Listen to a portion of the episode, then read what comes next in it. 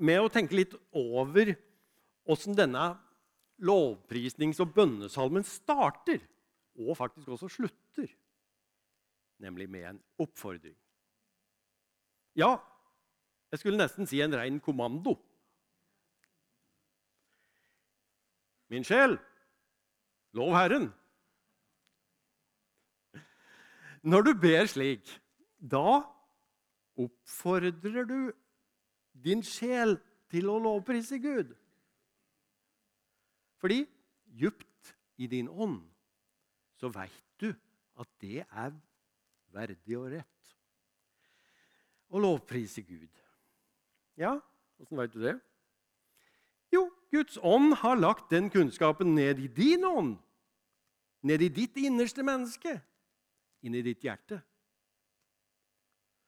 Og din ånd veit også at din sjel og kropp trenger denne oppfordringen.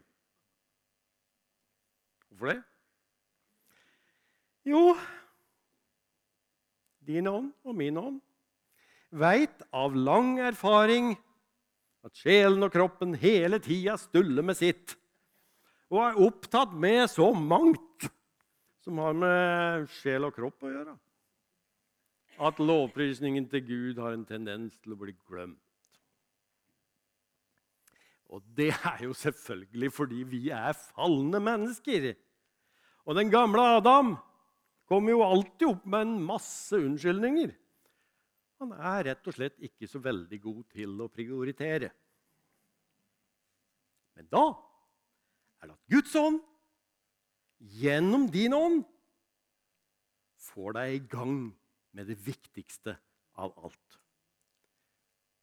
Det er som han sier Sett nå i gang, min sjel. Få kroppen til å våkne. Begynn å lovprise Gud og takke Han. Du veit jo at det er verdig og rett. Og, og, dessuten at det vil gi deg en mye bedre dag. Gi en god dag i alt det andre. Få prioriteringene dine på plass, mann! Det er dette som er sannheten. Det er Jesus som roper på deg og på meg. Kom an, sier han. La oss sammen lovprise vår himmelske Far, du og jeg, og gjerne hele menigheten din.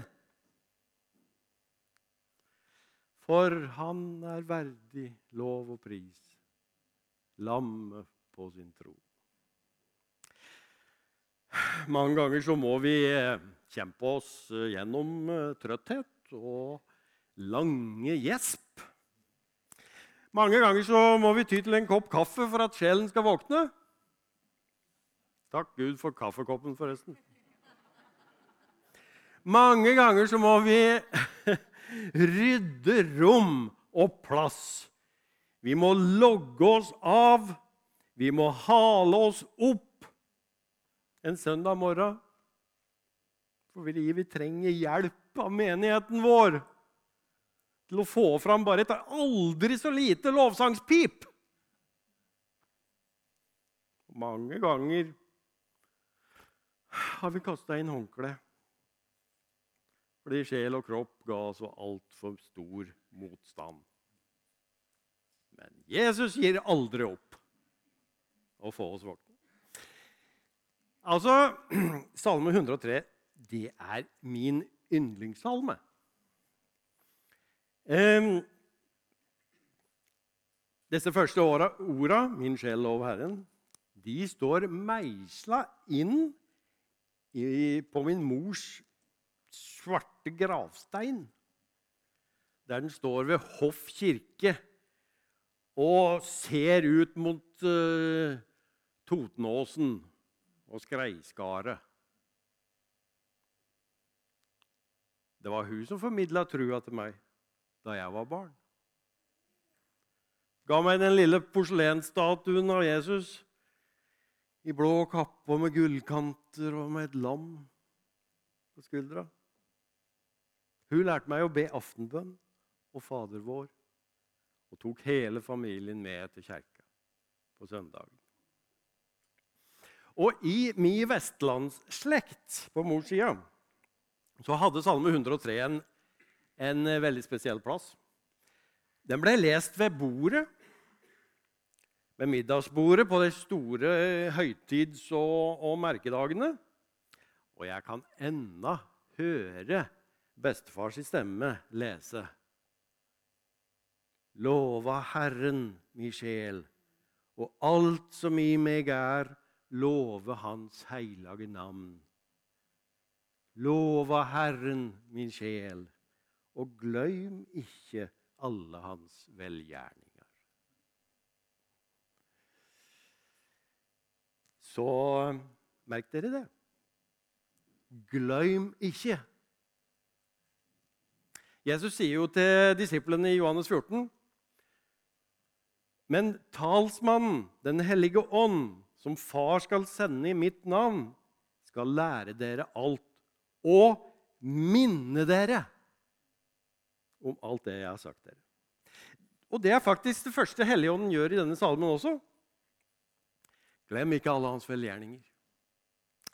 Lovsangen begynner alltid med påminnelse og takk. Åh, det kan jo være tøft uh, mange ganger når livet butter imot og kjøttet stritter imot, og du automatisk griper til mobilen eller nettbrettet for å finne livet meningsfullt og interessant. Begynn i stedet med å minne deg sjøl på Guds velgjerninger. For det første at du i det hele tatt har våkna. Det er faktisk ikke alle som gjør det. Begynn å takke for at du, du hadde noen som satte deg til vær. da. De var sannsynligvis ikke de fullstendig perfekte foreldra. Men de utstyrte deg iallfall med et sett med gener som du har måttet gjøre det beste ut av. Og var ikke det en Guds velgjerning? Så veit ikke jeg. Vi er faktisk mange som er glade for at nettopp du er blant oss. Og takk gjerne også for at trua på Gud hvisker og roper et sted djupt nede i din ånd og kaller på din oppmerksomhet. Hvem var det forresten som ga deg den ideen? Hvem var det som formidla trua til deg? Var ikke de noe å takke for? Hvem eh, holdt denne trua levende i 2000 år og brakte Guds ord til våre breddegrader? Å takke Gud for dine åndelige foreldre, for menigheten din, for at Gud har holdt liv i sitt folk gjennom alle de tider og alle de stormer. Var ikke det noe å takke for en grå og regnfull mandagsmorgen i 2018?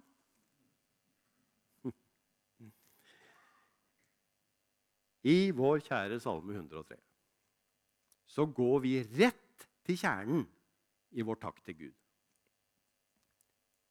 Han tilgir all din skyld.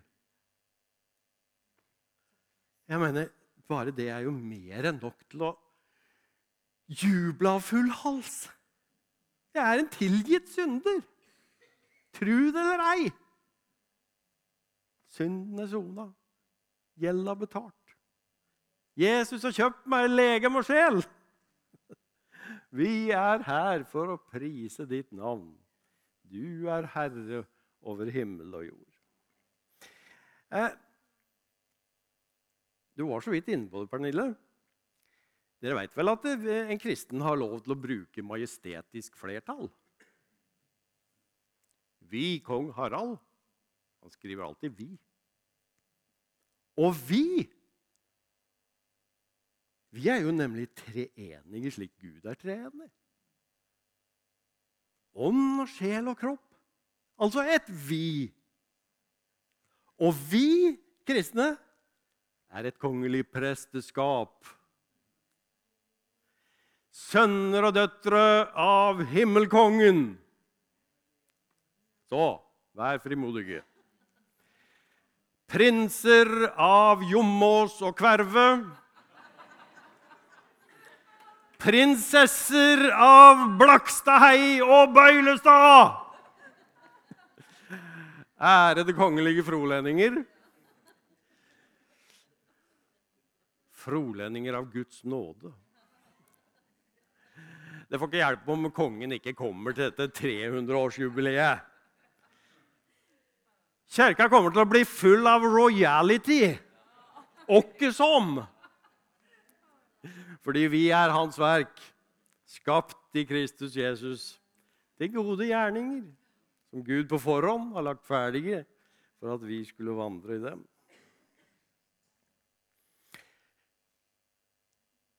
Vi, vi kan ha mange vondter, noen av oss. Og alvorlige sykdommer også. Men de trenger ikke å hindre oss i å lovprise Gud. Når jeg f.eks. har ryggsjau, noe jeg har med jevne mellomrom Da daler bønnelivet mitt med sånn ca. 96% i snitt. Da har min sjel og kropp mer enn nok med å ligge strak og synes synd på seg sjøl.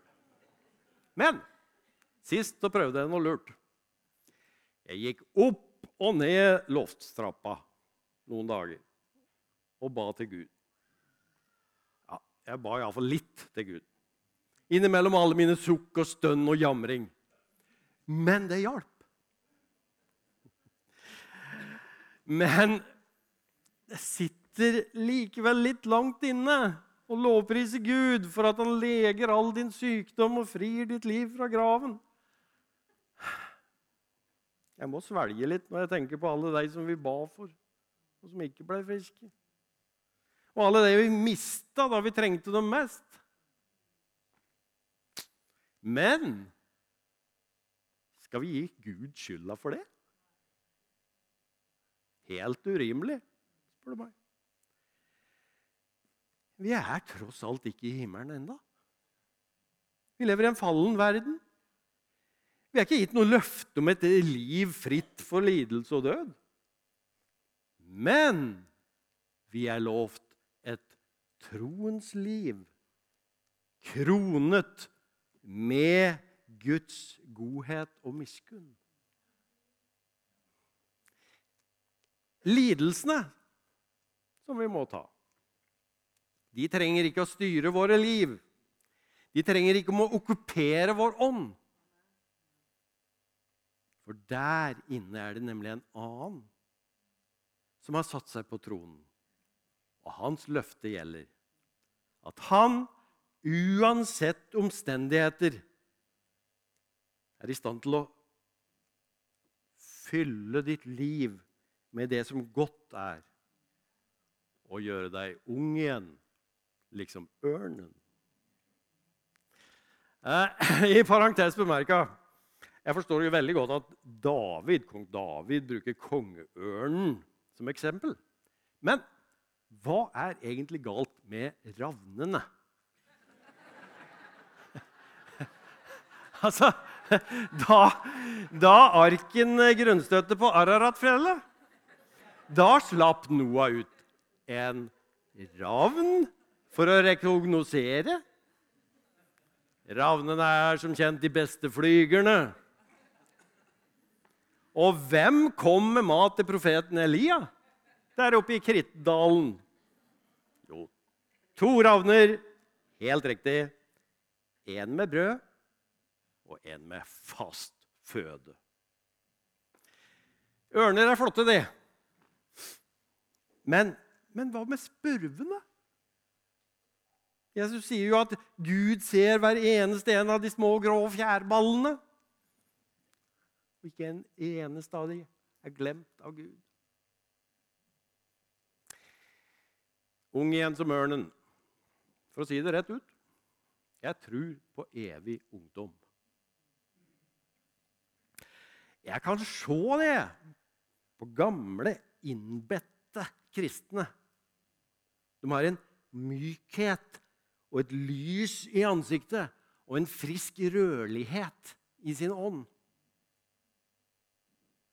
Jeg har sett det til og med etter hjerneslag og totalt pleiebehov. Det lever i øya deres. Og det lever videre når øya lukkes. Det er slike ansikter som skal ønske oss velkommen hjem. Evig unge frolendinger. De tar et tak med Jesus når perleporten skal åpnes og du og jeg skal slippe inn. Jeg tror du vil høre det på dialekta. Ja Dere veit vel at de fortsetter å be for oss der de står på tronen? Denne skya av vitner. Vår felles menighet i himmelen. Med et bønnebrus som buldre av store vannmasser.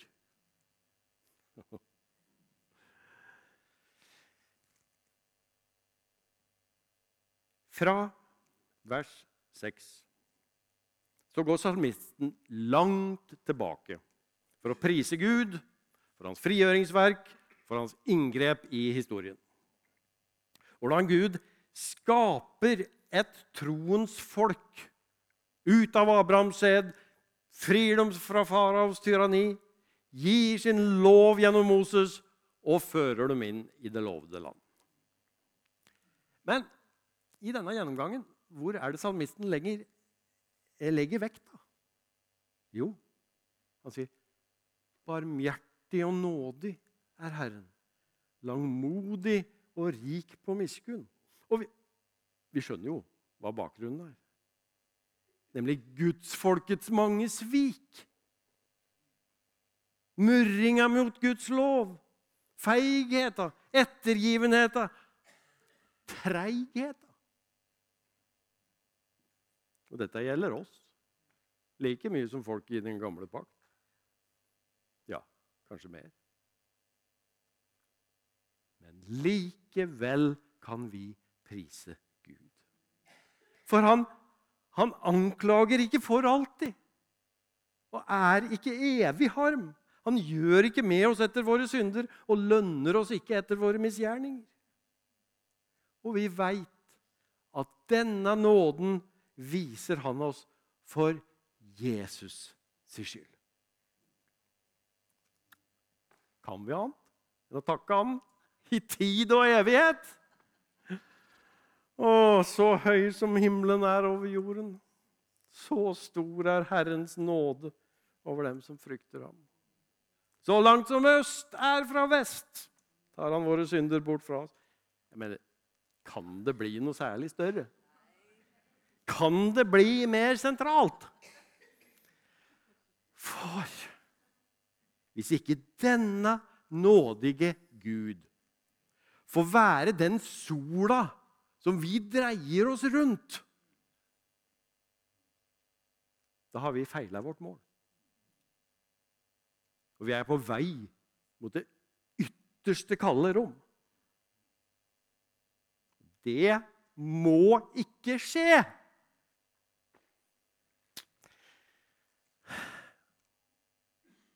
Hva er det egentlig å frykte Gud? Hva er gudsfrykt? Jeg syns det er et veldig godt ord. Amerikaneren sier 'awesome'. Awesome. Men nå er jo alle awesome. Frykte og elske, sier Luther i katekisma. For det må holdes i hop. Gud Gud er mysteriet som i sin velde kan få deg til å skjelve så du omtrent ikke klarer å stå på beina. og som samtidig er så tiltrekkende at du bare må ha det. Jeg tror at hvis vi ikke har Gud, da har vi ingenting. Vi har kanskje våre dagdrømmer om oss sjøl, så lenge de varer. Men vi har feila på virkeligheten. Fordi det er Gud som er virkeligheten. Og som alt annet springer ut ifra. Alt det gode, det sanne, det skjønne. Fordi det bare er Gud som er god og sann og skjønn.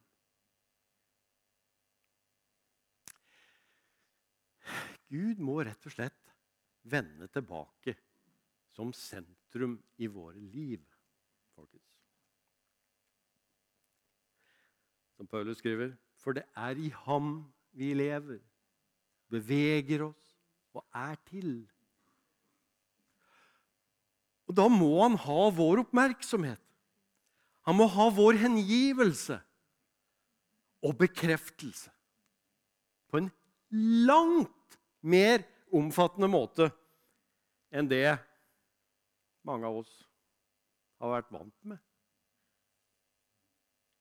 Gud må på ny gjennomtrenge hverdagene våre, arbeidet vårt, relasjonene våre, vår opplevelse av naturen, ja, vårt ansvar for samfunnet. Hele vårt liv må tilbake i Guds lys. Og det haster. Hvorfor haster det? Fordi vi har så kort tid å gjøre det på. La oss gå tilbake til salmen. For han vet hvordan vi er skapt. Han kommer i huet at vi er støv. Menneskets dager er som gress, mennesket er som blomsten på marken. Når vinden farer forbi, er den borte. Stedet den sto på, vet ikke mer av den. Spørsmålet blir da Hva bruker vi denne korte tida på? Blomstertida mellom vindkastene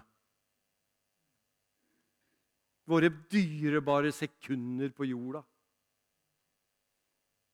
Jo, vi følger Guds ordet og Åndens stemme og investerer i evigheten. Investerer i lovsang til Gud, takknemlighet til Han og et hellig liv. Hør bare det løftet som ropes til oss. Fra evighet til evighet er Herrens miskunn over dem som frykter ham. Hans rettferd når til barnebarn. Fedrene holder hans pakt og husker på hans bud, så de lever etter det.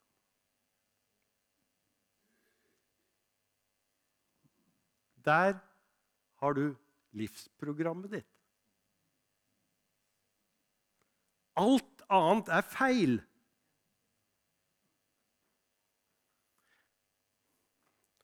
Sånt er jo strengt tatt ikke korrekt tale i dag. Skittau! Den som taler, skal se til at han taler som Guds ord. Sjøl om Jesus i bergpreika sier at vi ikke skal være bekymra, så er jeg bekymra. Vi, jeg tror at vi som sitter her, vi kan risikere å bli de siste tradisjonelt kristne generasjonene i landet. Og du spør kanskje er ikke det å rope 'ulv, ulv' Er ikke det å sette på brannalarmen i utide? Og da sier jeg prøv å lese litt statistikk om bibelkunnskapen blant barn og unge og bredden i den. om bibelkunnskapen hos barn i kristne familier, for ikke å snakke om unge voksne. Realiteten er at vi i generasjoner har blitt drevet sakte, men sikkert mot stupet. Og det går så sakte at vi ikke merker det. Vi venner oss til det. Gud ut av vitenskapen, Gud ut av politikken, Gud ut av skolen, Gud ut av ekteskapslæra. Til slutt ryker vel Gud ut av teologien også. Jeg leste i går at en fersk undersøkelse viser at 90% av kristne studenter holder trua si hemmelig på studiestedet. 90%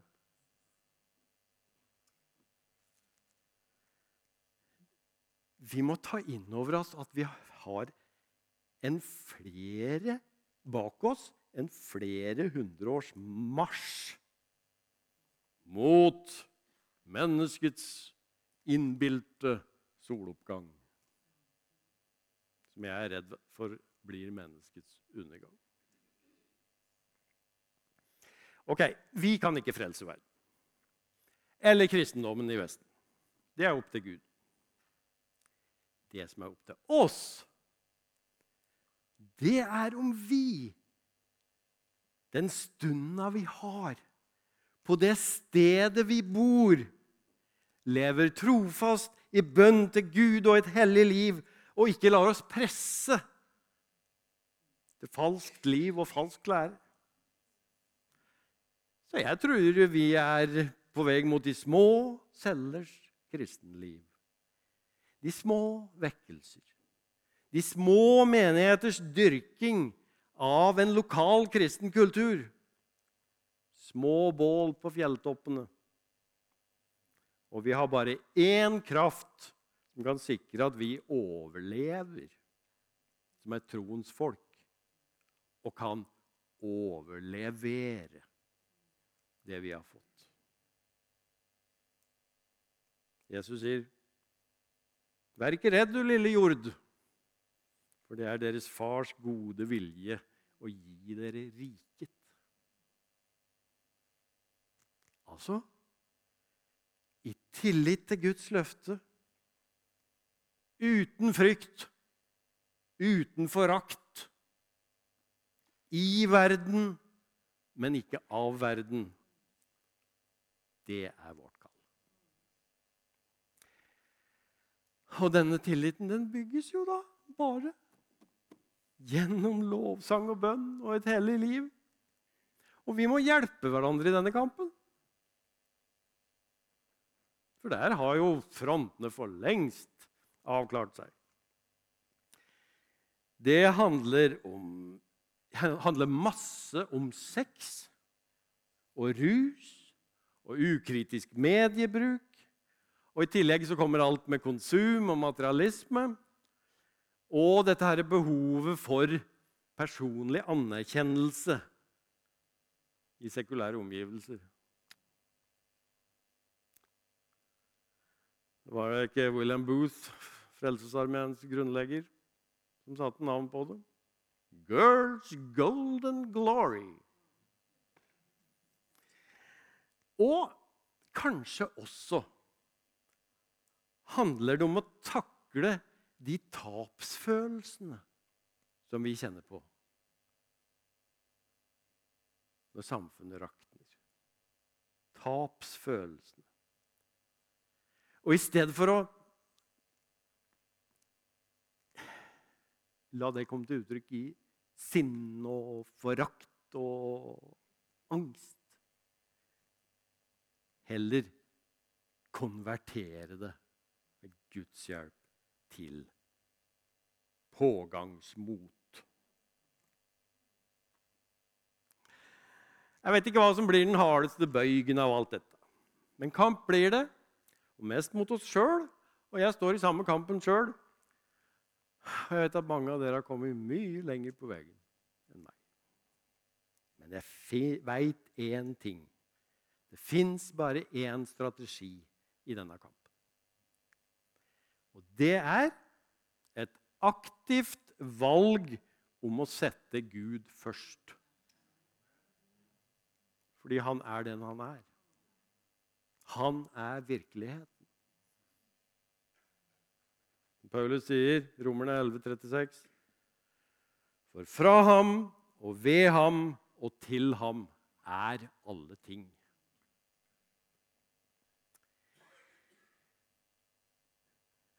Vår kjære Salme 103 og preika mi går mot slutten. Eh, jeg sa jo at salmen starter og slutter med en oppfordring om å lovprise Gud. Eh, først er det da at du, og jeg må sette sjel og, gang, eh, sjel og kropp i gang med lovsangstjenesten. Men det siste verset er kanskje det mest fantastiske. For da har den troende salmist virkelig kommet i siget. For nå nøyer han seg ikke bare med å ha, ha satt seg sjøl i gang med å lovprise Herren. Nei, nå vil han ha hele himmelens hær! Og hele dens engleskare og hele skaperverket med på lovsangen. Jeg må bare ta det en gang til. Herren har reist sin trone i himmelen. Han rår som konge overalt. Lov Herren, dere hans engler, dere sterke helter som gjør det han sier, så snart dere hører hans røst. Lov Herren, alle hans hærskarer, dere hans tjenere som gjør det han vil. Lov Herren, hele hans skaperverk, på alle steder hvor han rår. Min sjel, lov Herren. Kjenner dere åssen det gnistrer av forbindelse mellom himmel og jord? Mellom det synlige og det usynlige.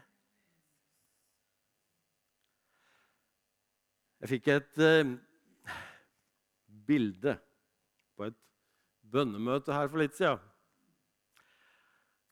Jeg satt da i min egen stillhet, midt i bønnebruset, som jeg pleier.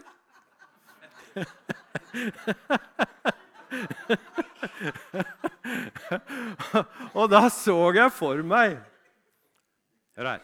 Da så jeg for meg ei slags tornadolignende søyle som gikk opp fra jorda, braut skydekket, ozonlaget, hele greia, og gikk like inn i himmelen. Men det var en veldig strøm i denne støtta. Inni så gikk det opp bønnerop, lovsang, takk og kjærlighetsgjerninger til Guds trone. Og fra tronen var det som en strøm rant ned igjen på jorda. Det var som en, som en dusj, som en fontene som rant over. Og det som falt på jorda, det var med skur av gylne såkorn. Bønnesvar fra bønneskålene.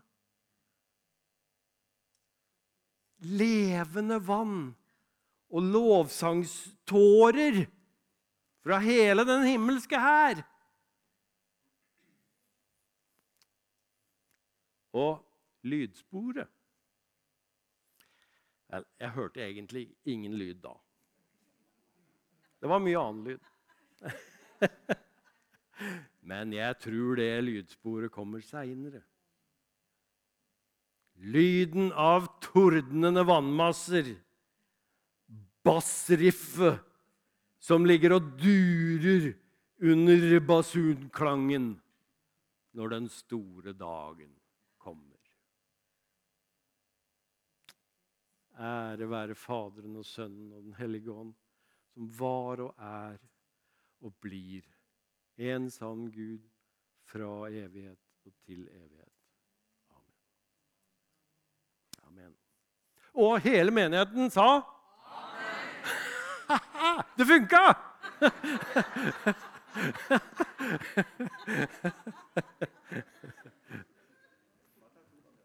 mm?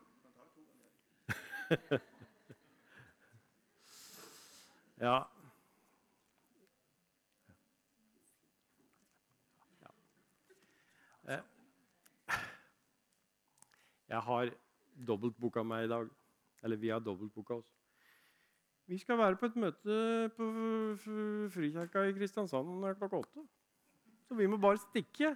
Nyt fellesskapet og nattverden, og vi ses igjen.